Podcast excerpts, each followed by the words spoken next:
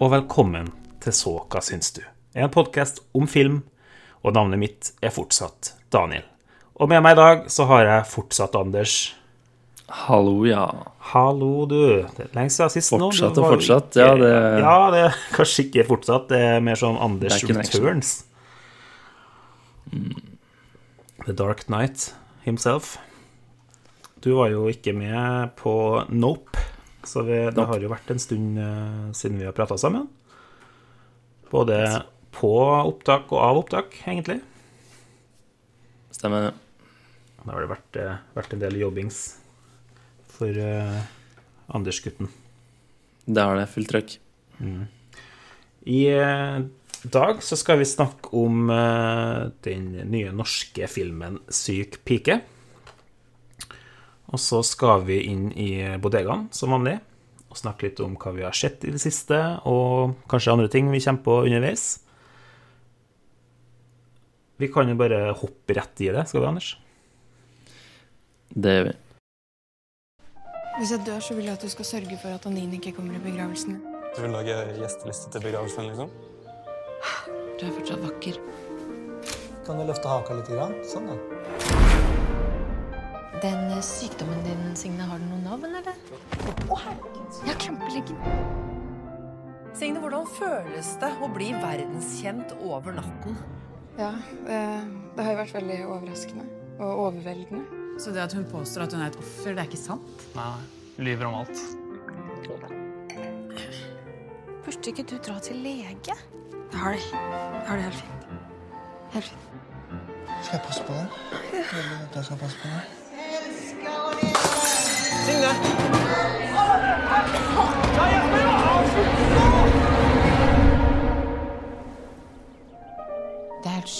Gjort. Du er helt syk i hodet. Jeg syns det var ganske privilegert av deg å si. Ja, det var traileren til Syk pike.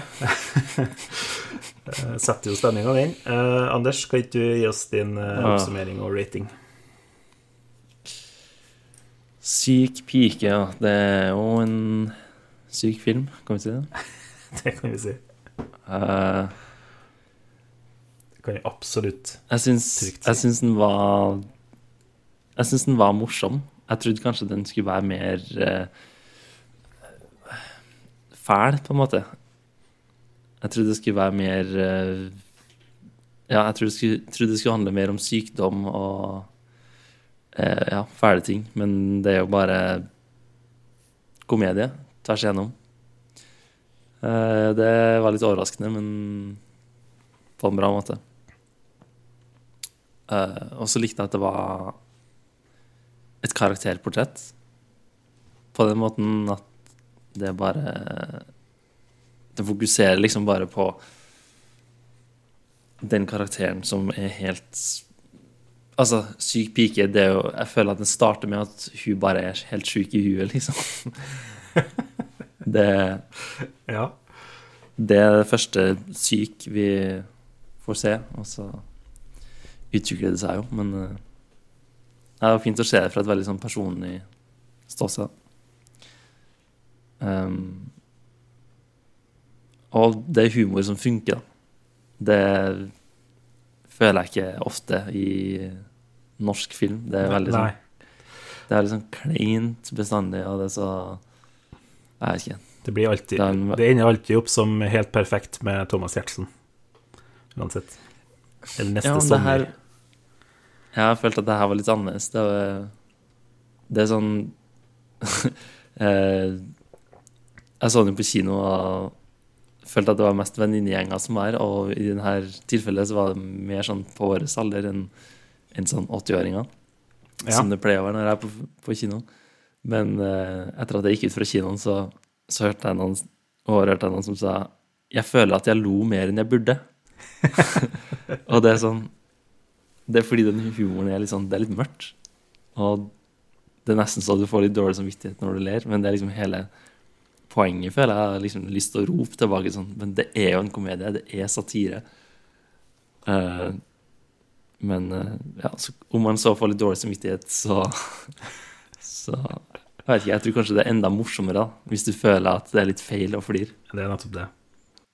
uten at det blir en sånn Det er en film som er lagd eh, i cancel culture, liksom. Vi, der ingenting er greit å kødde med og sånn, men eh, Og den her kunne på en måte havna i det hvis den hadde tråkka feil, på en måte, men her syns jeg bare det er veldig smart og veldig morsomt gjort. Da. Og da havna du på foreløpig en 80. 80. Ja. Eh, Du er jo veldig inne på det jeg òg skulle starte i gang med her, med at det er litt ubehagelig humor, kanskje? Eller sånn, du vet ikke helt hva man skal Om, man, om det er greit å flire her, eh, men man flirer likevel. Eh, Og det jeg skrev, var Men akkurat det, da, du, man, man flirer instinktivt likevel. Ja. Det er ikke noe sånn at du ser på sidemannen og liksom hm, Nei, nei, Kan jeg, kan jeg flire, eller kan ikke lese liksom- rommet først. Nei, man må bare det, Man reagerer på instinkt. Flirer bare. Ja. Det jeg skrev, da, var eh, Hvis du vil flire av noen som har det jævlig, mens du har det jævlig fordi du flirer av at alt er jævlig, så er Syk pike filmen for en jævel som deg. 83 av 100. For uh... Litt mer presist enn eh, min uh, rambling. Det, du er jo inne på det samme at liksom det er Altså, jeg sitter der, og jeg syns det er artig, og jeg syns det er ubehagelig, og jeg syns det er artig og ubehagelig om hverandre. Det, altså, det er artig fordi det er ubehagelig, og så er det ubehagelig at jeg syns det er artig. Og så, det, og så blir det bare en sånn endless loop eh, med ubehagelighet. og humor. så man sitter der Man sitter der og er litt sånn eh, blir sånn klam i ryggen og føler seg litt jævlig. Men eh, Kanskje det er bare fordi jeg også er syk i huet, men jeg følte ikke at det var ubehagelig å flire. Det er Nei. litt sånn fordi den Altså, personlighetene er jo De er jo på en måte skrudd opp litt ekstra. De er skrudd veldig. Eh, ja, veldig.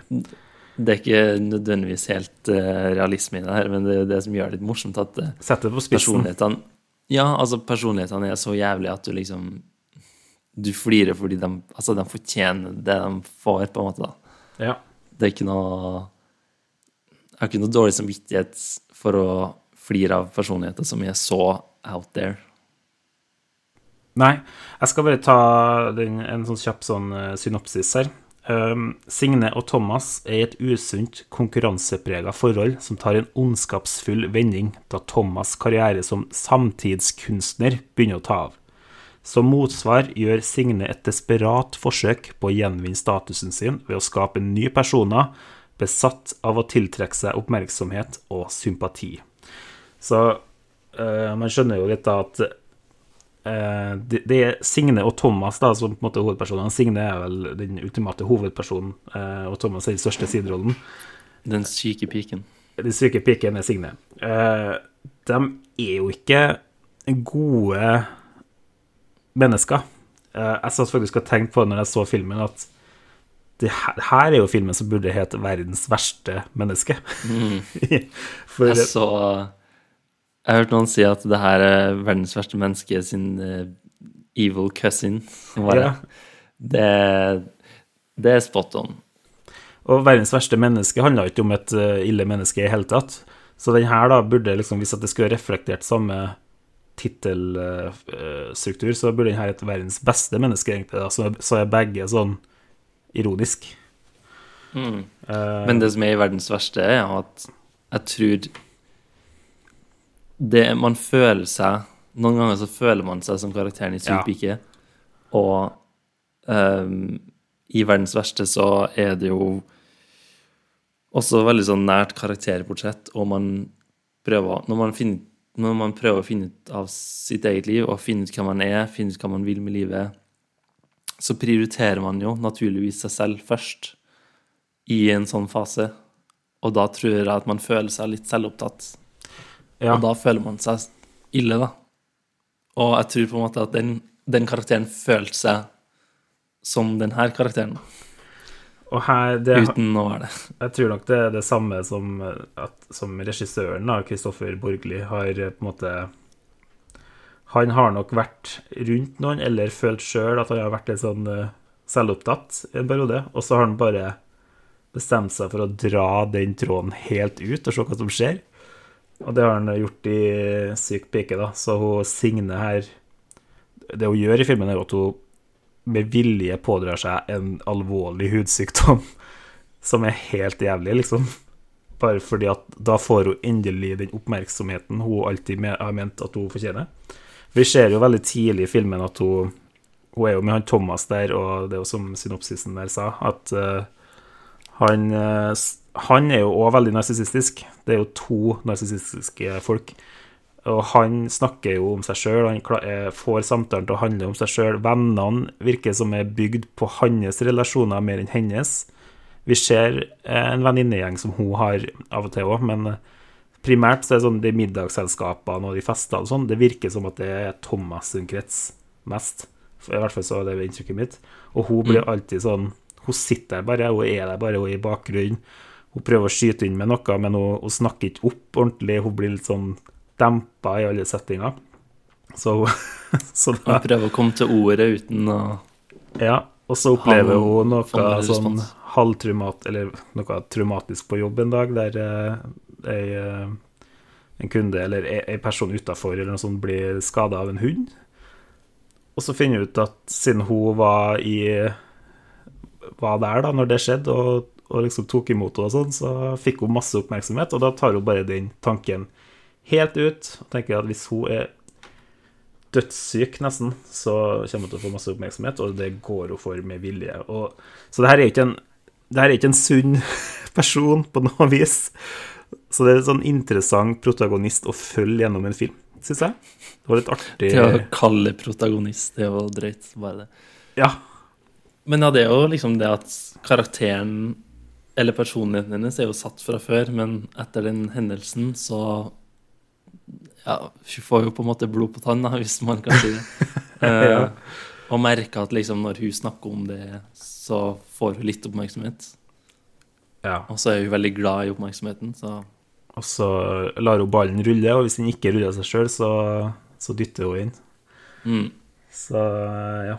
Og det skaper jo noen eh, veldig ubehagelige, men jeg er fortsatt da, ubehagelige er ordet jeg vil bruke, situasjoner som er morsom, som gjør at vi flirer. Men det, men det er et ubehag der, synes, eller jeg følte i hvert fall på det, at det er sånn åh, Jeg har nesten ikke lyst til å se på det her, fordi du, du åh, Men de tingene som er ubehagelige, da, tar også filmen opp, føler jeg. Mm.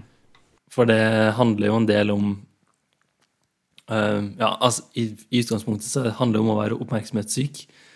Og jeg tror mange kan Jeg håper i hvert fall ikke det var meg som kjenner på sånn hm, Men alle kan jo være liksom oppmerksomhetssyk noen ganger og synes det er hyggelig med litt oppmerksomhet. Og så er det jo bare at det, det blir dratt mye lenger enn man enn man ville ha dratt det selv, da. Men det med at det er fint å få litt oppmerksomhet noen ganger, er jo noe som mange kan kjenne seg igjen i, tror jeg.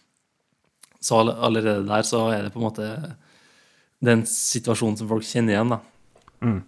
Um, og det er mye om offentligheten her som, som blir gjort narr av, og som blir tatt opp, ikke sant. Det er hvordan folk reagerer på ting og lar seg rive med av ting, eller, eh, eller tanken om at man skal være inkluderende, men òg er veldig avvisende.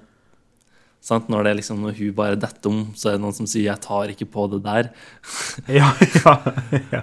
Og det er litt sånn Det er vel i den, skal- eh, i den mote... I den den modellscenen. middagsscenen. Nå ja, ok. I middagsscenen, tror jeg det. Ja. I hvert fall at folk liksom spør sånn Går det bra med deg? Og begynner å spørre om den sykdommen hun har, og prøver å bry seg veldig nøye. da. Eller bry seg veldig mye, men, men med en gang hun detter om og hun faktisk trenger hjelp, så er det ingen som hæler å ta i henne, liksom. Nei. Så det viser litt hvor eh, at hun kanskje har gått et, eh, et par skritt, kan vi vel si, for langt. Eh, Ja, og som publikum så er man jo en del av offentligheten, ja. for å si det på den måten. Og da får man jo se at de kødder med hvordan off- offentligheten oppfører seg. Altså. Ja, jeg hørte et intervju med Kristoffer Borgli her, der han snakka litt om om det som du er inne på der, da, liksom at, at folk kan kjenne seg igjen i, i utgangspunktet her, da, i liksom i å ha en sånn narsissistisk del, da, at du, du vil liksom være Du vil uh, få likes og spørsmål og sånn på sosiale medier om gikk det bra, liksom du Altså, det, det er noe sånn me- menneskelig med å liksom vil ha anerkjennelse f- for din er, da. Eh, 42 meldinger, og så eh, går verden videre. ja, ja, ja, som hun sier, det er veldig bra kommentar. Det er veldig bra eh, replikk. Men han eh, sier det i intervjuet at eh, han bor jo i Los Angeles nå. Han bor ikke i Norge. Men han skrev jo og satt filmen til Oslo. Men det han var spent på, da, var liksom For intervjuet var gjort før den kom ut i Norge. Det var liksom etter For denne filmen var jo på Cannes og hadde mye sånn internasjonal suksess allerede, da. Um, og han følte at når han skrev noe og sånn, så tilrettela han det den humoren her, eller det, nei, den narsissistiske delen av det, da, litt til folk som han eh, var i hans omgivelser der, da, i Los Angeles, som jo er eh, narsissismens hovedstad, som han, jeg tror han sier i intervjuet. Da. Og det er det jo der folk eh, Det handler liksom om eh, Alt handler om navnet ditt og hvem du er, og hvordan du ser ut, og hvordan du ter deg, og alt sånt her. Så han var litt spent på om den kom til å slå an like mye i Norge, da. Der det kanskje er litt mer dempa på, på den fronten, men vil jo si at den unge generasjonen er veldig opptatt av det samme også i Norge, da, eller internasjonalt, da. Eh, Ja, jeg tror, nok, jeg tror nok at den kulturelle tingen med det kanskje er lettere tilgjengelig i, i USA, men Mm. Alle har jo møtt noen som er veldig selvsentrert, da. Så alle kjenner noen som det her, man i mindre grad. Enten så kjenner man noen som er som det, eller så tenker man sånn Det her det er en, en personlighet jeg tror på, selv om den er Ja, skrudd opp tre hakk over der, ja. Men, eh, men jeg syns det funker. Og så tror jeg den har gjort det bra i, på Cannes-festivalen og sånn, fordi de ofte liker litt sånn ja, syke ting, da. Ja. Cannes. Det er liksom ting som er dratt veldig langt, som, som ofte gjør det bra, da, fordi det shock value skal Det er verdsatt, da. Ja. Jeg tror, og den har jo ikke bare vann på Cannes, den er jo, eller kan, men den er jo nå Den er jo i fremsetet for uh, norske bidraget til eh, Oscarsesongen neste år nå. da. Så, uh, på samme måte som 'Verdens verste menneske' var i fjor. Og jeg syns det er litt interessant, egentlig, det som skjer med norske filmer nå, for vi snakker ofte om uh, at det er litt kjedelig i norsk film, egentlig, i hvert fall når det er sånn gjelder norske storfilmer sånn, så er det så mye fokus på krigsfilm, og det der kommer vi ofte tilbake til. Bare i høst nå så kommer det jo sånn fire-fem norske krigsfilmer. Eh, ellers så er det veldig lavbudsjettskrekk, liksom, og så er det veldig lite imellom. Uh, Og så er det de standardkomediene som ja, det er sånn ja, standard. har litt kortere levetid, da. En men som- Båsmo-komedie, liksom. Ja, ja, Olsenband det i akkurat det. og ja, ja, ja. Det er akkurat det. Ja, men så har man, får man sånne glimt, da. Sånn verdens verste menneske i fjor og syk pike i år, da, som gjør noe litt annerledes, da. Som går for noe annet. Og det syns jeg er spennende. Det syns jeg gjør Og de uskyldige, ikke minst, da, i fjor. Mm. Det syns jeg Det syns jeg er spennende å følge med på. Vi føler at vi er en god tid, liksom. Det, helt tilfeldigvis så, så så jeg Ninja Baby opp igjen. Ja. Uh, nå før jeg så Syk pike, og det er jo Begge er jo med Kristine Torp. Uh, og når jeg så den igjen, så følte jeg at Ninja Baby er jo noe av det bedre på lenge eh, i norsk film. Og så med Ja, med de her Syk pike og Nina Baby, og med, som du sier, Verdens verste og De uskyldige og sånt, så er det på en måte Bare med dem så er det jo fire veldig gode filmer ja. som har originale historier, da. Som er norsk, som har kommet ut i, på ett år, liksom. Ja. Så hvis vi fortsetter på det viset her, så tar vi over Sør-Korea som eh, det store nye. Ja, det Nei, men jeg, jeg føler at vi, særlig med verdens verste, så har vi fått mye oppmerksomhet nå. Litt sånn mot skandinavisk, og en ting er jo at Renate Reinsve nå eh, spiller i filmer over, overalt, liksom, men vi har liksom fått litt uh, fotfeste, føler jeg, etter det, så det hadde vært artig hvis uh, Syk pike også ble nominert da, til beste internasjonale i, på Oscar nå, så Ja, jeg tror, jeg tror den har en stor sjanse. Jeg tror den har en stor sjanse, faktisk, for den er, den er så unik, og den er så sær, på en måte. Det er litt sånn, det blir litt som eh, eh, min pappa Tony, Tony Erdmann-sjangeren, liksom. Som eh, var film Anders anbefalte meg, fordi at jeg liker ofte sånn mørk komedier komedie som det her, men akkurat den var sånn jeg sa vel at jeg ikke likte den, rett og slett. At jeg, at jeg ble for satt ut. Så noen ganger så kan det slå feil på meg òg. Og det var, jeg, jeg var litt eh, nysgjerrig på det samme her, da, når jeg satt der og når det begynte. Og, og jeg visste jo ikke så jeg visste jo ingenting om historien her. Jeg visste bare tittelen på filmen, eh, coveret, og at den hadde vært på Cannes. Men jeg var Mm. interess- interessert i å se den basert på bare på det. Eh, og når, når historien begynte å åpenbare seg, og hun begynte å svelge de her pillene, og hun Jeg var spent på om jeg kom til å Om det kom til å bli for mye, eh, rett og slett. Men det, det ble aldri det, da. Det, det holdt seg i en sånn deilig, deilig ubehagelig uh, stemning, mm. Uh, med, med god humor. Uh, og, det, og det er åpenbart på en måte at det er en satire på, på verden i dag, da. Hvordan vi Mm. ja, hvordan vi er opptatt av likes og, og, og sånne ting. Men syns du at den holdt seg opp gjennom? Ja, Eller syns du at det ble Ble du lei, på en måte? Nei. At den fortsatte i det samme sporet? nei, jeg ble egentlig ikke det. Jeg synes de hadde på en måte De varte ikke så veldig lenge heller, eller jeg vet ikke hvor lenge de varte, men jeg, jeg følte ikke noe på Jeg satt ikke og venta på at det skulle være over. Det gjorde ikke jeg. Men eh, jeg er glad for at den slutta når den gjorde, for at mm. i siste akta så er det jo mest om den her motekarri- eller modellkarrieren hennes. Og- 95 minutter, da. Ja, perfekt lengde på filmen, egentlig. Mm.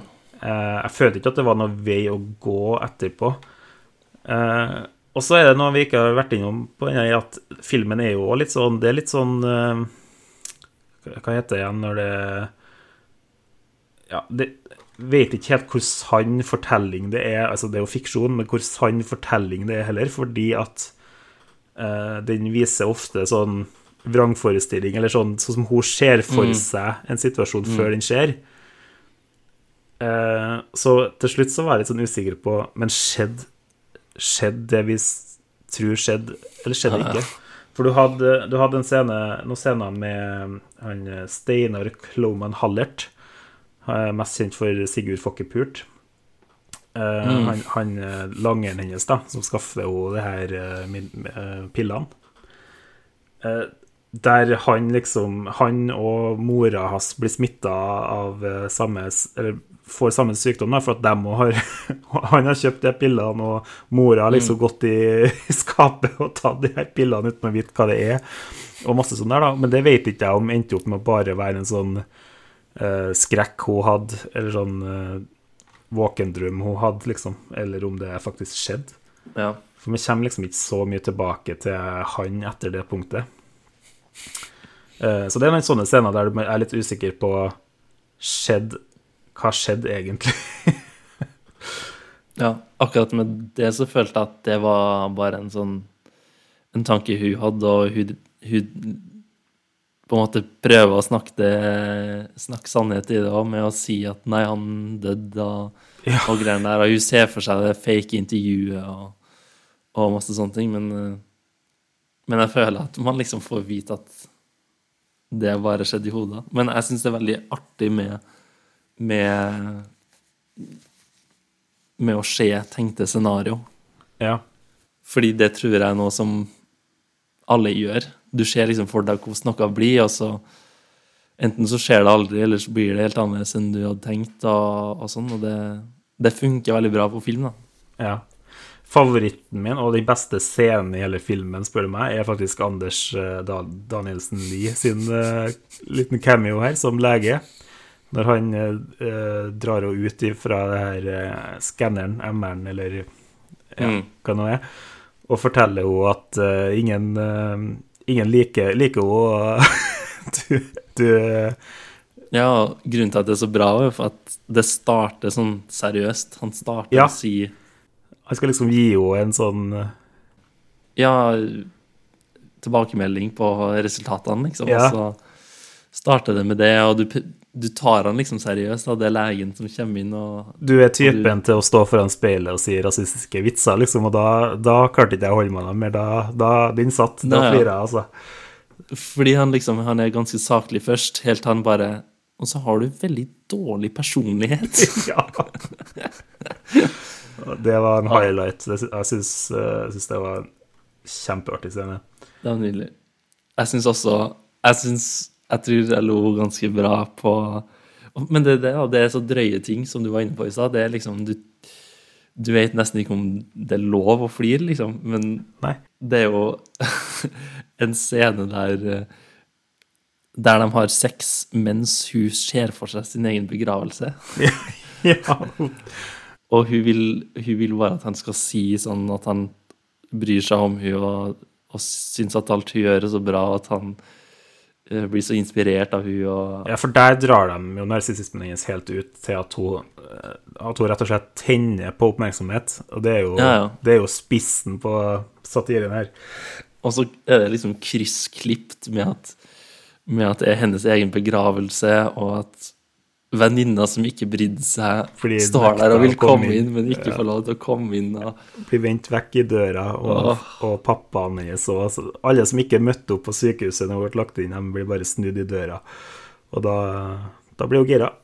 Det er bare så Det er så sjukt, og det er så drøyt å på en måte dra det dit, men det er jo det som gjør det så bra. Det hadde, det hadde på en måte ikke funka like bra hvis de ikke dro det så langt som de dro det. For da hadde, da hadde jo humoren på en måte lidd for det, og så har det blitt bare en sånn Mm. urealistisk narsissist-historie. Ja, det er akkurat det. Så- Ved å dra den så langt, så blir det eksponentielt mye morsommere, liksom, og ja.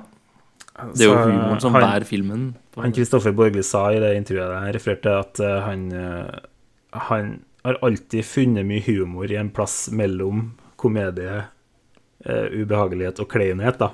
Mm. Og det, det merker man. Og han har virkelig funnet sin eh, nisjehumor, føler jeg, her, eh, med filmen. Mm. Eh, Jeg er veldig spent Men som er tilgjengelig for alle. Ja, ja, det er ikke noe sånn Du må ikke liksom ha noen sånne spesielle interesser for å, for å like filmen her. For å flire av selvopptatte mennesker. Men tilbake til litt sånn den eh, Oscar-bøssen og, og det her med Renate Reinsve har blitt en stor skuespiller og sånn. Jeg føler jo at Kristine Torp kanskje kommer til å være på den eh, eh, i den retningen òg. Og sånn som Anders Danielsen Lie òg, han er jo Han har jo allerede Jeg vet ikke om verdens verste menneske var med litt på det, eller om det bygges fortsatt på hans der han har litt mer sentrale roller, sånn som Oslo 31. august og sånn. Om det hva som har gjort at han har blitt populær i Hollywood nå, eller om det er verdens verste menneske som har skyrocketa han. Men han er jo med i den her Bergman Island og Det er jo litt mer sånn slow and steady Ja. jobb, da. Det, han har jo liksom blitt Han har jo fått en del internasjonale roller ut fra det han har gjort tidligere med Trier. Um, og sånn som Mie Hansen Løve, som har hadde, som lagde en eh, Bergman Island, hadde jo sett han i Oslo 31. og sånn, og tok han inn eh, nå i sin film, men det, det var jo samtidig som Eller før Verdens verste, så Og han var jo med i Personal Shopper for seks år siden, og det er litt sånn Ja, ja. Det flettes litt sammen, men, men selvfølgelig med Verdens verste, som har fått så mye buzz, så, så stadfester det jo enda mer at han hører med i gjengen. Da. ja. Hva syns du om denne her um, eh, sideplottet, eller ikke det, da, men det, det her med de her um, menigheten, nesten, eller den eh, samle støttegruppa som eh, samles og deler om sine problemer, da. Så, og så snakker hun liksom om eh, eh, de her hudsykdommene og sånn, da, og så sitter ei i sirkelen ved siden av henne, bare sånn mm.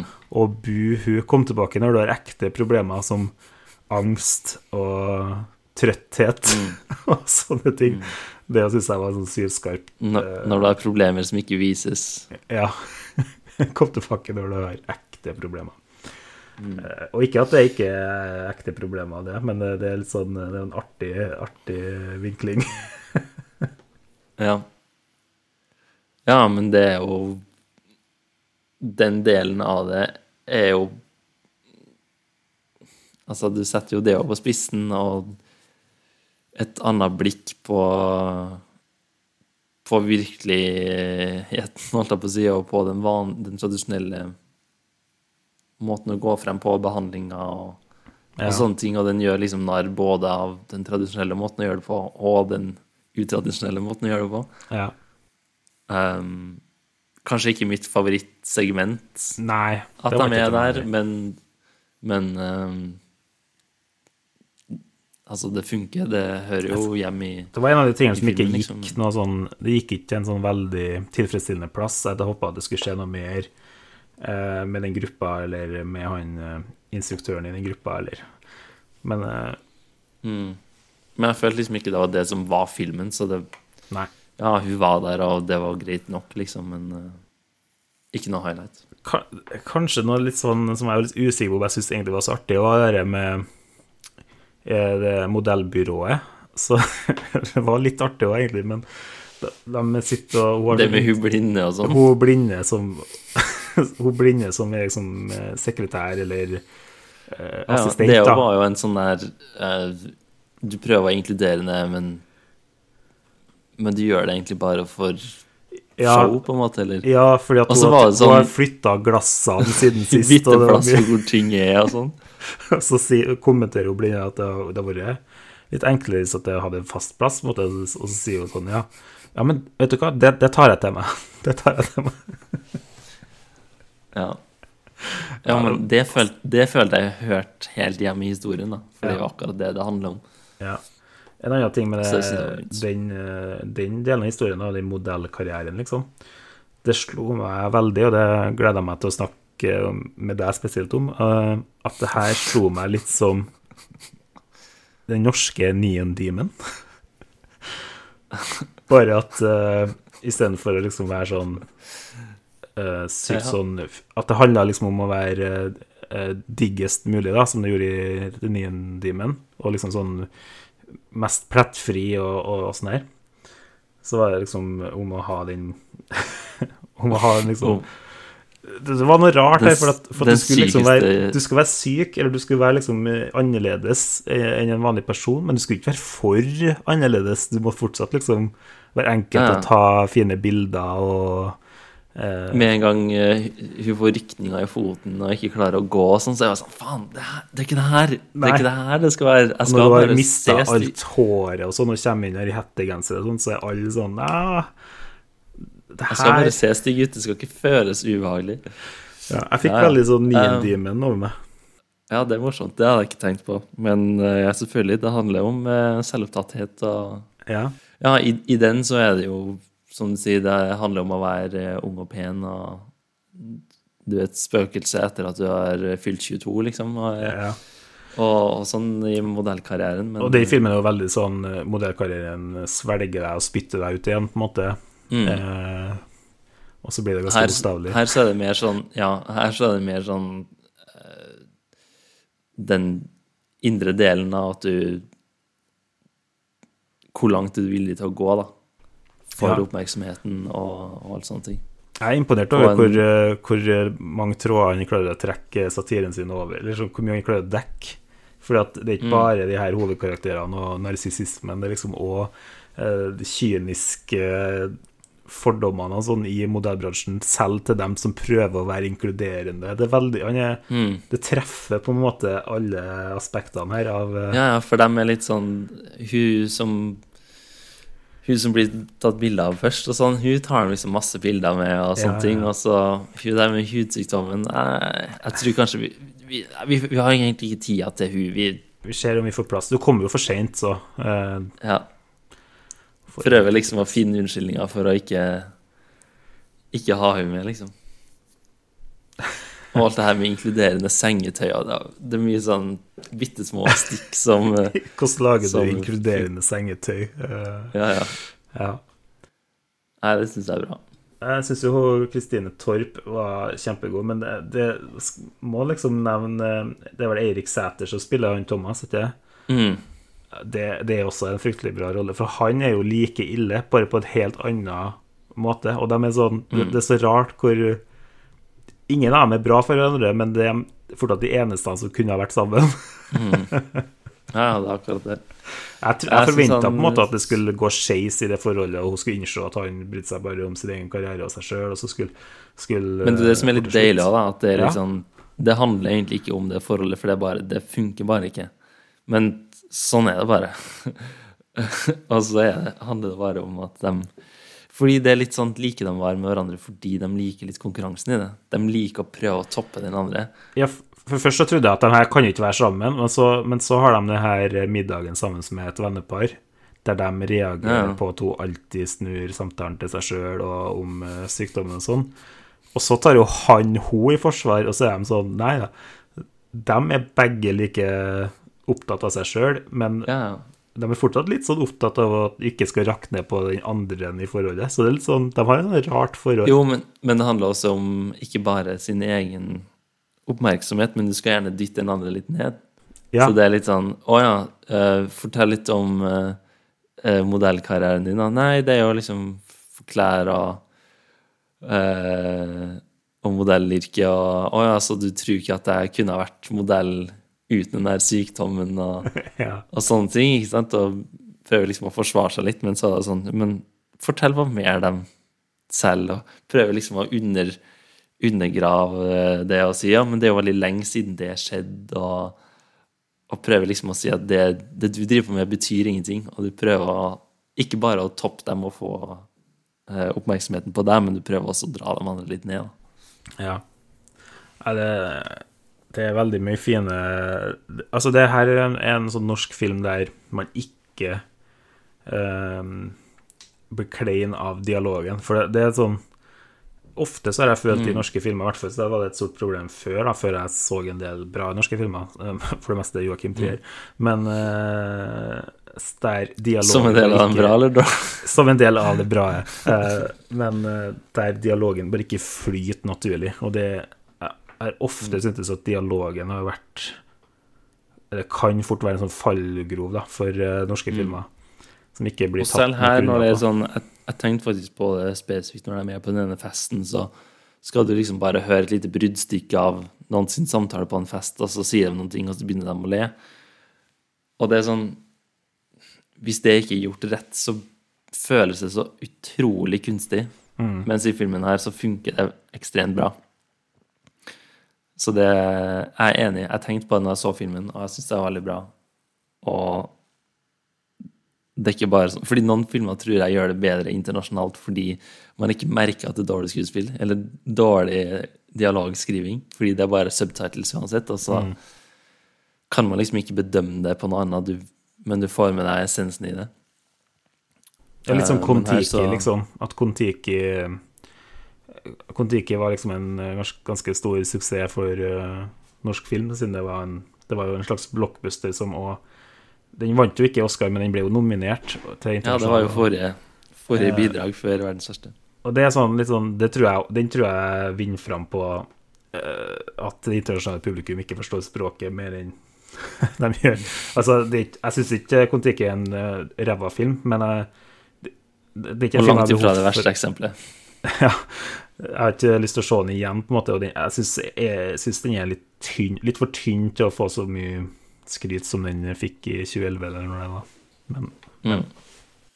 Ja, men bra, bra dialogføring og bra levering, da. Vi var jo inne på det med Kristine Torp, men det var det jeg skulle si da, at hun Hun er oppover, i farta oppover, liksom, og det, det blir feil å sammenligne med, med Renate Reinsve, fordi hennes eksplosjon av eh, fame har vært på en måte så, så stor som den kan bli, føler jeg. ja. Og det å være på talkshow i USA og få amerikanske filmroller over natta Slengt etter seg. Mm. og alt det der, liksom. Men, eh, men nå med Kristine Torp, som har gjort Ninja Baby, og, og hun vant jo Amanda-pris for den i, i Norge i fjor, og Ja. den filmen her leder jo Leder jo godt an for å få bra oppmerksomhet både nasjonalt og internasjonalt ja.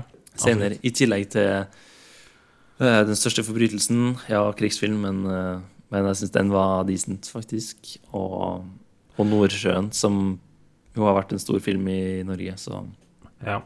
Jeg er spent på å se hvordan det går videre for hun, for eh, hun er veldig flink. Jeg håper virkelig den filmen her som Nå har ikke jeg sett de krigsfilmene som kom ut i høst, selvfølgelig, men uh, du har jo sånn Krigsseileren og sånn, og jeg sett har fått bra uh, anmeldelser, men det er jo Alle de her krigsfilmene får jo bra anmeldelser i Norge, det, de gjør det, men uh, det er jo stort sett det samme. Og samme skuespillere nå, det, er- det er så ekstra plagsomt. Mm. Men, og jeg skal jo se en del av dem, skal se dem, dem som blir snakka varmt om, liksom. Mm. Jeg håper virkelig at den her når frem hele veien. Um, Ja, og så er det veldig bra for norsk film at originale historier får mye plass, da. ja, For hvis det eneste som Hvis det eneste som vinner priser, og det eneste som vises månedsvis på kino, er krigsfilmer, f.eks., så tror vi at det er det eneste vi kan lage. Men da må det liksom et fryktelig stort apparat og sånn for å kunne lage det. Mens her viser det at ja, Borgli har lagd filmer før, men, eh, men det her er jo hans første på en måte dramakomedie. Han har lagd en mockumentary fra før og kortfilmer og sånt, men eh, ja. det er en slags, en slags debut ja, det er hans første Eh. store sving, på en måte. Med, i det her, og når den er så bra, på en måte, så Spent på hva han hvordan karrieren hans går gå videre etter det. ja, jeg håper jo at det neste han gjør, føles helt annerledes, på en måte, at han blir spennende på den måten. Uh, og jeg tror det er en sånn en balanse vi må trenge i norsk eh, filmbransje òg. At vi trenger å konkurrere litt på det her uh, blockbuster-arenaen, der vi har liksom hatt sånn mm. Bølgen og Skjelvet og, og Nordsjøen og Kon-Tiki og sånn. Jeg tror vi Det er sant, det. trenger Hvis det ikke er krigsfilm, så er det katastrofe. Men det, eh, det er nettopp det, krigsfilm eller katastrofe. Jeg tror vi trenger dem for å på en måte sparke i gang budsjetter og litt sånne ting i filmbransjen. Og så liksom få plass, eh, plass da, til originale, spennende filmer som 'Verdens verste menneske' og mm. 'Syk pike' og 'De uskyldige' og 'Ninja Baby'. Så nei, jeg håper bare det jeg tror òg at det hjelper for, for å øke mangfoldet litt blant filmskapere, og at det er la, vanlige fortellinger. Fortellinger om mennesker som, som får plass. Det, Det her er jo så, det her er så veldig skandinavisk humor òg, på en måte. Det er en så veldig skandinavisk film. Og vi har jo lenge ikke konkurrert i hele tatt mot Danmark og Sverige, liksom, som har vært kongene på det her, denne type film da, fra Skandinavia. Eh, så sånn med Joakim Trier, da, det er jo ikke en kom det komedie han går for, eh, går for da, men altså De her s- litt, litt mindre filmene, drama, komedie, litt, litt sånn blanding av det. Det har egentlig Skandinavia litt bredere sett vært veldig god på, og det, det er på tide at Norge liksom menger seg med Sverige og Danmark. Og bidrar litt til den. Ja. Sånn et glass til og Ja, og jeg, jeg tror at hvis det får litt mer plass, så kan det få en stor oppsving, da. Fordi som, som nye regissører Nå er jo Borgli ganske ny selv, men, men flere òg, da. Fordi hvis det eneste du kan lage katastrofe og krigsfilm, sant? det krever veldig store budsjett, og det krever veldig mye. Mens uh, karakterportretter er litt mer sånn som alle kan lage, da. Eller alle, men det er litt mer tilgjengelig, da. Og jeg tror egentlig òg at Altså, det er lettere å relatere til da, når det handler om mennesker. Ja. Og eh, det er ikke så mange som har eh, opplevd krigen på så nært hold, og det er jo et veldig mørkt tema. ja. Og katastrofe er også veldig mørkt, og det Ja, nordisk krim er jo også en greie, liksom, som vi prøver å henge oss på, men ja, jeg tror vi har godt av eh, litt mer humane fortellinger. Ja. Og det her eh, kan jo sies å være litt mørkt, da, men her, er jo, her lager det Her finner man lyset i det mørke, for å si det sånn. Man prøver å Ja, ja, og så er det jo satt på spissen, og det, er, det handler jo egentlig ikke om Det var det som overraska meg litt, da. Eller jeg visste jo ingenting om filmen, og man kan jo på et vis forvente mer dystert og mer alvorlighet i det, da. Mens her handler det egentlig om en personlighetstype. Ja. Det handler om å være selvopptatt. Det handler ikke om en sykdom. Hvis du skulle ha valgt eh, når Kristoffer Borgli kommer med sin neste film, og så har han eh, eh, gjort enda en satire av en annen personlighetstype, hvilken personlighetstype står for tur? Hvordan, personlighet trenger å få seg en, en vekker? Han er narsissisten. Hmm. Nei, si det. En eh, personlighetstype som trenger en vekker utenom eh, den som er oppmerksomhetssyk. Ja. Det er litt vanskelig Satt deg litt på Ja, altså det, det kan jo Det kan jo være noen som tror de er sånn bedrevitere, på en måte. Det, Ja, bedrevitere. Det er, det er kanskje litt for likt, da. Ja. Men, men eh, bedrevitere kunne ha jo godt eh, fått seg en liten eh, Kunne fått seg en trøkk. Ja, enig. Syklistene Nei. Ja. Skal vi, skal vi eh, oppsummere slash fyre inn en eh, final rating på Syk ja. Vil du holde deg på 80, tror jeg det var du sa, eller vil du opp eller ned? Det er litt som Joker Nord, det her. Skal du opp, eller skal du ned? Mm. Jeg, jeg føler jeg vil holde meg på der jeg var. Vi har ikke snakka så mye om negative ting. Um, Nei, du har det, kanskje er ikke som, det er ikke så mange av dem heller. Um, det eneste er jo litt sånn Det er jo litt teit å tenke realistisk på det her, fordi det er såpass urealistisk, og man ser for seg ting som ikke er ekte, og alt sånt der. Eh, men sånn, når hun på starten går hjem etter å liksom passa eh, Eller hjulpet hun der som ble bitt av en hund og sånn, så hun har jo på seg en hvit skjorte som er helt full av blod. Ja. Og at hun liksom bare sprader ut i gata Ja. på vei hjem. Det er ikke så sannsynlig. Det er litt sånn Jeg vet ikke, av en eller annen grunn. Det er kanskje fordi det er tidlig i filmen, og at jeg ikke vet helt uh, hvor lista legges, da. Eh, kanskje det hadde passa bedre inn hvis det hadde vært senere, men jeg bare følte at det var sånn Den var liksom det var det, Av alt, da, så var det liksom det som dro meg litt ut av det. Ja. Um, um, og vi snakka om slutten. Det var fint at den slutta der den gjorde, egentlig. Det var litt deilig at den bare var ferdig. Uh, for den ligger Rett før den er ferdig, så ligger det litt i lufta. Den er på en måte avklart, og den Den kunne ha spint videre, på en måte, men det var veldig deilig at bare rulleteksten kom. Uh, så det syns jeg var bra med slutten. Uh, men det er litt sånn utover at den jeg vet ikke, det er kanskje noen ting som ikke sånn Det faller ikke helt der jeg vil at det skal, kanskje. Nei. Um, den er Jeg føler at den er best den første timen. Ja, jeg tror, det tror jeg er enig i. For jeg, jeg, jeg vet ikke om jeg er helt enig om at den slutter helt der den bør slutte, heller. Jeg vet ikke helt hvor den skulle ha slutta i stedet, men jeg føler kanskje Det er nesten når, på en måte, at den Ja, Jeg syns bare det var fint at den ikke eh, drar det enda videre, eller liksom skal begynne å spinne noe nytt. gjennomgå eh, etter Ja, at det liksom går Fordi da, da må det liksom finne på noe mer av noe nytt. Den må liksom få en Da måtte filmen fått en ny fase, og det trengte den ikke. Nei, det var på tide å liksom runde av der den gjorde. Men jeg bare Jeg vet ikke om jeg følte at det ble helt Jeg fikk ikke, fikk ikke eh, helt forløst i meg, eller fikk ikke en sånn uh, Sånn uh, At det slutta sånn perfekt. At, at, sånn som du sa, alt Mm. falt ikke helt på plass, på en måte. Uh, men det var ikke noe som, det var ikke noe som havna utafor heller. Det var mer som når du, når du har det der barneleka, når du skal legge i firkantform her, runding der, trekant der.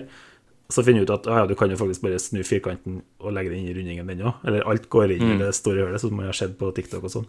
Sånn, Mm. Jeg fikk det til å passe, men det var ikke nødvendigvis den eh, brikken det var som var tenkt. Mm. Nei, Det var en rar metafor, Ja. men uh, Nei, jeg syns det funka. ja.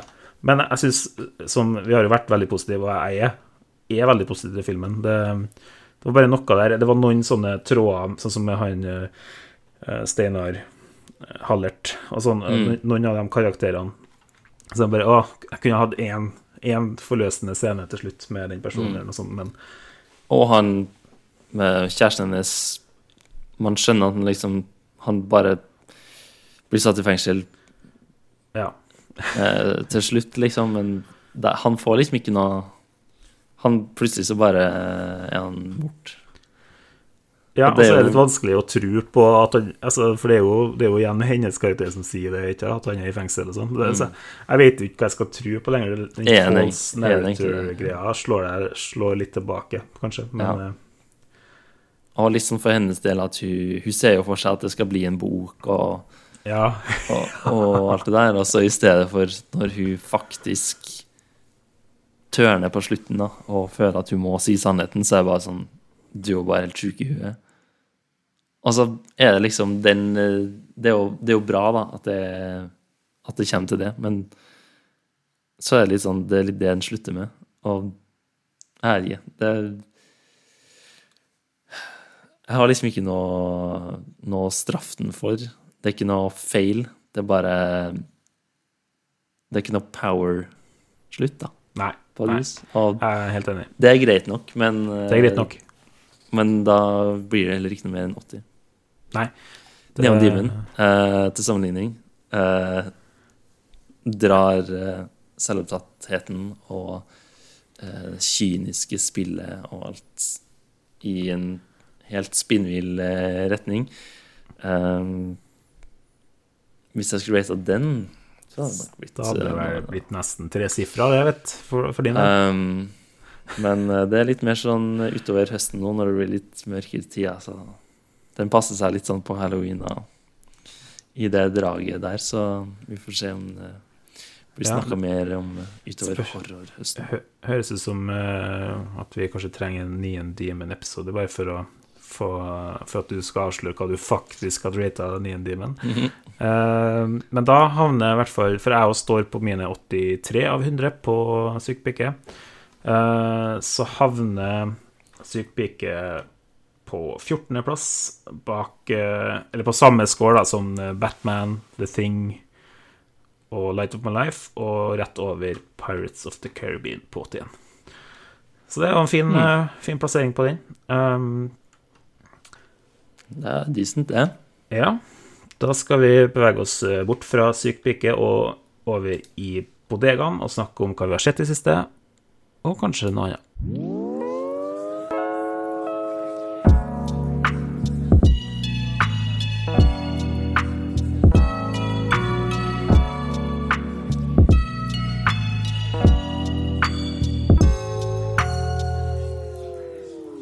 Det er deilig å høre de her introene våre igjen. Uh, det jeg føler at jeg har vært eh, off the game så lenge nå. Blir så homesick du etter eh, tre Ja, litt. pod. Faktisk. Her, eh, her om dagen så plutselig i hodet mitt så, så fikk jeg nesten litt på hjernen den, eh, den første introen vi hadde på podkasten. De første to-tre episodene. Oh, ja! Hørte du opp Ut- dem igjen, så du Nei, introen? nei, nei, uten å ha hørt dem opp igjen. Jeg bare, plutselig så kom det opp i hodet mitt. ikke den melodien det- i det hele tatt. Veldig morsomt. Det, ikke hør episode 1, 2 og 3 for å finne ut hva jeg snakker om, men, eh, men ja, det var gøy. Jeg tror eh, det var et slags eh, En liten påminnelse om at jeg savna Savna å være med. Ja, sånn starter den. du, du, du, du, du. Du, du, du. Det er en annen, annen stemning. Det var litt- det var en liten performance bare så folk skulle slippe å høre episode Ja, 1, 2, 3. nå trenger dere ikke å gå tilbake. Um, jeg kan eh, nevne noe jeg har sett i siste, da. Uh, egentlig så har jeg skuffa Jeg har hatt veldig mye fritid, men jeg har ikke sett en dritt, nesten. Eller jeg ser ting, men det er ikke ting jeg har lyst til å innrømme at jeg ser. Så jeg har sett mye, mye dårlig reality i siste. Men jeg skal nevne én realityserie jeg har sett som jeg faktisk syns er underholdende. Eh, og det, det er Forræder på TV 2. Har du hørt om det? Nei. Det er Mats Hansen som er programleder. Og han har da samla 20 kjendiser fra gjennom hele alfabetet. Det er ikke bare A-kjendiser, for å si det sånn. Det er B, C, D og kjendiser. Men eh, det går bra, for at det konseptet her så fungerer det. For her Alt er kjendiser. Alt er kjendiser. Har du vært, på, vært med i en VG-artikkel en gang for at du Mm. bare var til stede under noe som skjedde, så er du så er det- kjendis i Norge. Nå er det sånn Du er kjendis fordi du en gang før har vært med på et annet reality-program. Ja, Og nå er du tilbake i kjendisversjonen ja, ja. Du var med i, i. Farmen i 2020. Da er du med i Kjendis, eller Farmen kjendis i 2021, til seg sjøl. Ja, er eller, eller 71 grader nord-kjendis fordi du var med i Farmen, ikke kjendis, for Ja, fem år siden. Skal lite til. Eh, Der handler vi om det, Tråden i dag er oppmerksomhetssyk. Ja. Eh, Og vi, Og- her klager vi på hvor enkelt det er for folk å bli kjendis, samtidig som vi har holdt på i to og et halvt år med en podkast som ingen har hørt om.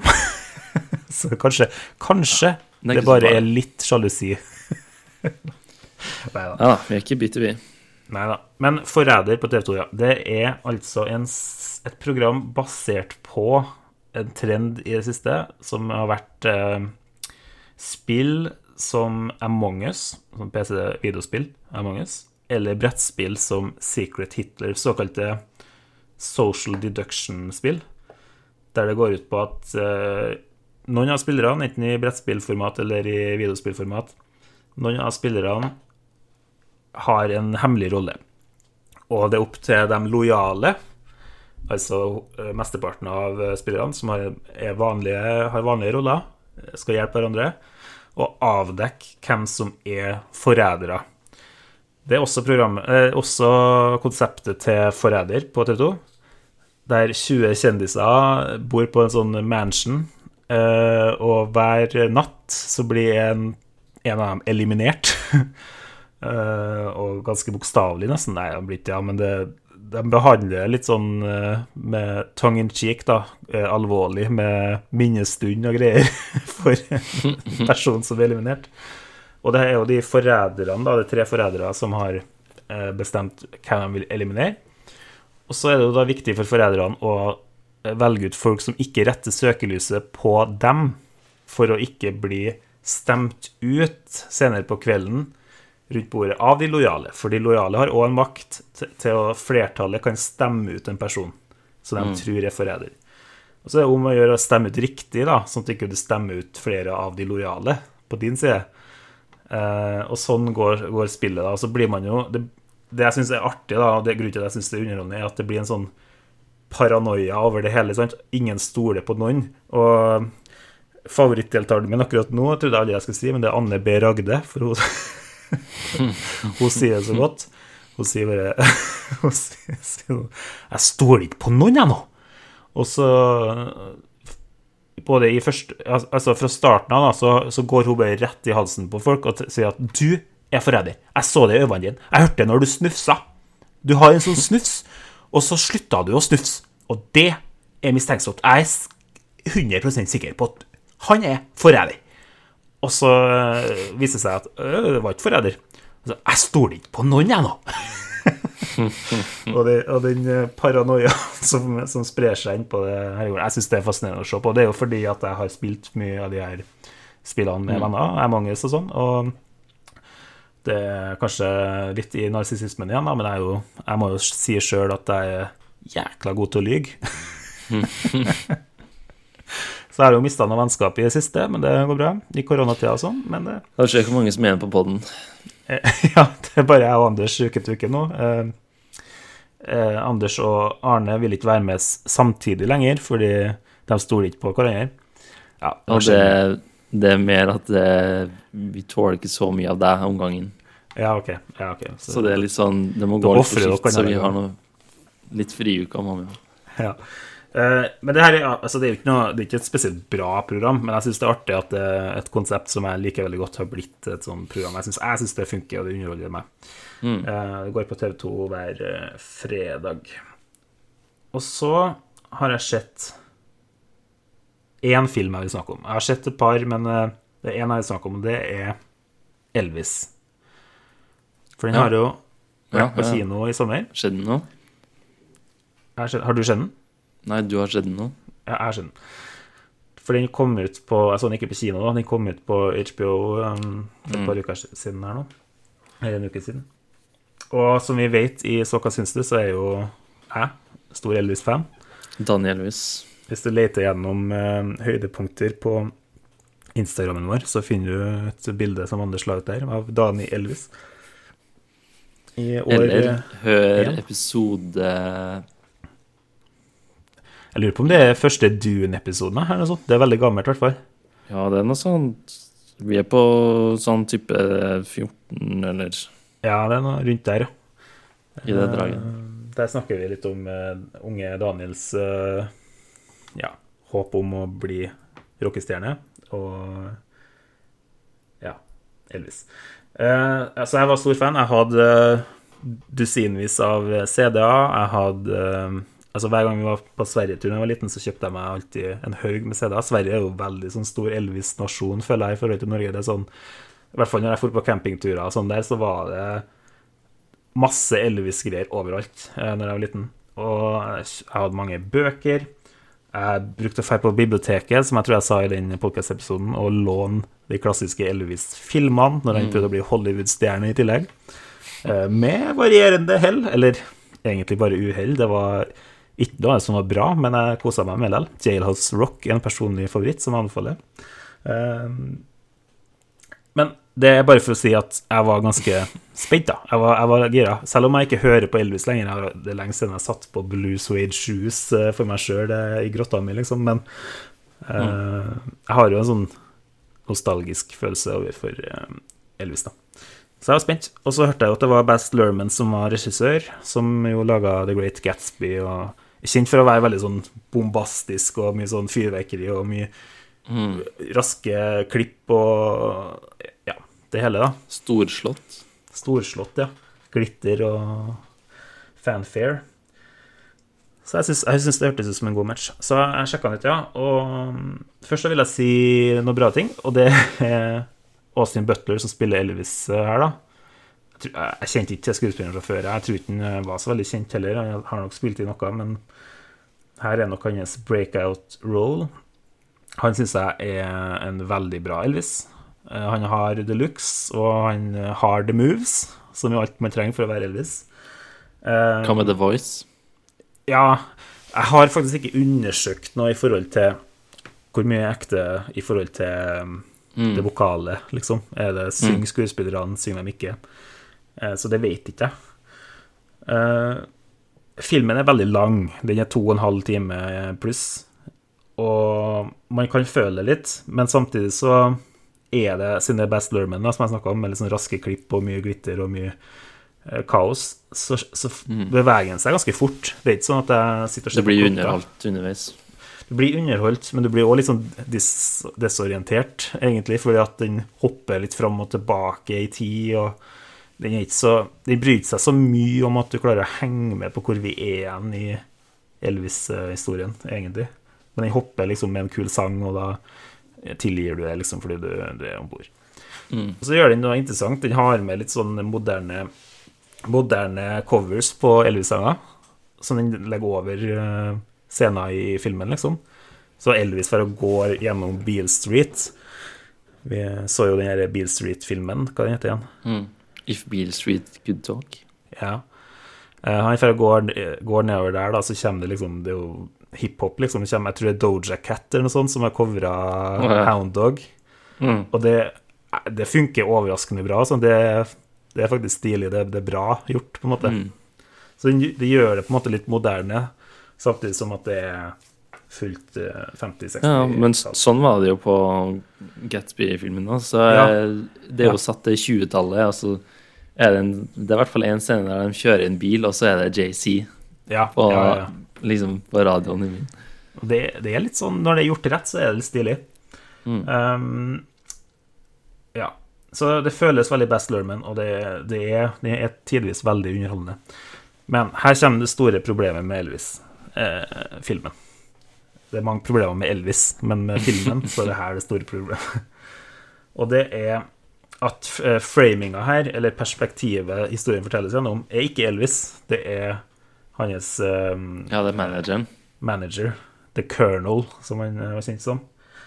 Som jo Det har vært mye Som det var mye kontroverser rundt, da, for at han var eh, Han var ikke amerikansk borger og sånn, og han holdt det skjult i årevis, og det var masse rart. Han hadde ikke eh, Han hadde liksom satt, sagt at han var i hæren og sånn på det og det tidspunktet, og det stemte ikke, og det var masse, masse løgner da, som han hadde bygd sitt uh, rike på. Ja. Um, men det blir fortært gjennom han, da, som er en sånn ganske grisk, typisk manager i en sånn setting, i en sånn film. Tom Hanks. Og det er Tom Hanks som spiller. Og det her er det verste jeg har sett fra Tom Hanks ever. Det er det verste Tom Hanks har gjort. Han, han spiller Han spiller en Batman-villen. Han spiller Han ser ut som og spiller som om han er The Penguin i en Batman-film. Og det er så um, tegneserieaktig at du kjøper ikke den karakteren i det hele tatt. Wow. Han har òg, som vi har snakka mye om i Så hva syns du, da, et problem vi har, er narration, en sånn voiceover gjennom. Sånn mm. La meg fortelle om den gangen eh, i 1962. Og det er slitsomt. Det er, jeg liker det ikke. Det, det, det legger ikke til noe til filmen. Og det, det skaper en sånn distanse mellom oss som ser på, og karakteren vi skal lære om, Elvis. Så jeg syns det er en helt merkelig avgjørelse. Og når det da er i tillegg en sånn overdrevet, merkelig eh, figur, så gjør det det veldig vanskelig eh, for meg. Um, Tegneseriefigurer i en biografifilm høres ja, ut. ja, og det var, han var jo Det er jo ikke det at eh, for at Tom Hanks spiller en sånn grisk og korrupt fyr, så er det eh, så veldig farfetch, for han var jo en merkelig fyr som eh, manipulerte Elvis mye og sånn, men det er mye sånne historiske feil da, med vilje i filmen, sånn at de skal ha litt mer drama. Så det er en scene der blant annet eh, der Elvis konfronterer han om at han eh, Om hvordan han holder på, da. Men Elvis visste jo aldri om det på ekte, for det kom ikke fram eh, i media og sånn før eh, etter at Elvis døde. Og sånne ting skjer jo ofte i sånne filmer, at man må liksom man må komprimere historien litt og, og plassere ting litt annerledes for å få dramaturgi på plass. Men som regel så skjønner jeg liksom hvorfor de har gjort det sånn her, og hvorfor de har gjort det sånn der for filmen sin del. Men i filmen her så, så ga det ikke mening. Jeg syns ikke det Det ga ikke oss noe, og det, det bare gjør at for folk som kjenner til litt av historien, så er det sånn Det her blir jo bare dumt. Sånn var det ikke. Ja. Sånn var det ikke. Um, så ja, jeg har litt delte meninger. Jeg, jeg havner ganske sånn midt på treet på filmen. For at det er verdt å se. Det er bra musikk for dem som eh, liker det. Og Austin Butler er amazing. De eh, skimter over mye greier med han og Priscilla, men jeg hører jo at uh, Sofia Coppola, tror jeg, skal lage en Elvis-film nå. Fra Priscilla Ja. sitt perspektiv. Ja. Det var i hvert fall Hvis det ikke var Sofia Coppola, så får jeg rette opp det senere. Men Ja. uh, tror det, det tror jeg kan bli interessant. At det blir litt mer sånn personlig vri på det hele. For jeg var veldig upersonlig film. Det var veldig sånn Vi bare viser konserter og hype og stemning. Så du, du kommer ikke noe tettere på Elvis, og det er min største kritikk av filmen. Så den er i hvert fall på HBO Max eh, nå, for dem som eh, bryr seg om det. Mm. Jeg bare kom på um, det der som du sier med voiceoveren og sånn. At det var så bra i Syk pike. At de ikke gjorde det. Ja. Og bare Hvor kjapt jeg merka at det var en film jeg kom til å like. Fordi den gir deg liksom rom til å utforske karakteren selv. Det er ikke voiceover. Det er ikke liksom sånn uh, Den standarde filmen som starter med sånn voiceover sånn uh, Der den freeze-framer på personen, på hovedpersonen og sier 'det her er meg'. S- sånn her Eller, men vent, spol. Vi spoler tilbake. Eller veldig sånn ja, super Veldig sånn superfilmatiske ting. Som er sånn du spoler, og du freeze-framer, og du har voiceover, og du blir påminnet at det er en film. da Og Du må liksom få det inn med seg, mens i Syk pike så var det bare sånn at du ja, får tid til å kjenne på karakteren, og ved å følge de to sykt selvsentrerte karakterene, så skjønner du hvem de er. Du skjønner hva de har tenkt å gjøre eh, i den første scenen med en gang. Og det holder, da. Du slipper liksom voiceoveren av Man trenger den egentlig ikke. Nei, jeg likte det du sa der med at liksom du får rom til å utforske karakteren sjøl, for det, det er det du absolutt ikke får i, i den her. For folk skjønner det, og det er det som er greia at man Hvis man stoler litt mer på publikum, som jeg tror europeisk film gjør bedre enn amerikansk, så, så virker alt mye smartere, da. Fordi publikum er smartere, og da da får man fortalt ting på en helt annen måte enn hvis du må ha det inn med teskje og voiceover og spoling og freestream. Ja, enig. Bare som en tanke. Ok, da tror jeg vi gir oss for i dag. Sier vi takk for at du hørte på. Du kan Takk for at du hørte på. Selvfølgelig følg oss på Instagram, at sksd-podkast. Du kan sende oss e-post på sksd.podcast.gmail.com. Der kan du, både på Instagram og på e-post, så kan du sende oss eh, spørsmål, du kan gi oss feedback, du kan komme med forslag til noe vi burde snakke om. Så det er bare å fyre løs der. Eh, Vi kan jo hinte til at det kanskje, kanskje skal besvares noen lyttespørsmål i neste episode, faktisk. Fra Ja. lytteren i entall. Fra lytteren. Hvis lytteren har noe mer lytteren skulle sagt, Ja. så now's the time. Now's the time.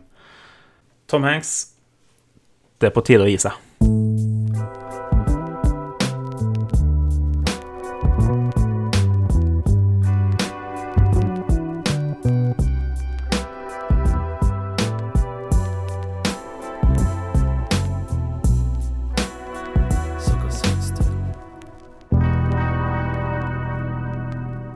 Det er på tide å gi seg. Du har spilt i mange bra eh, filmer. Du har eh, gjort en stor karriere.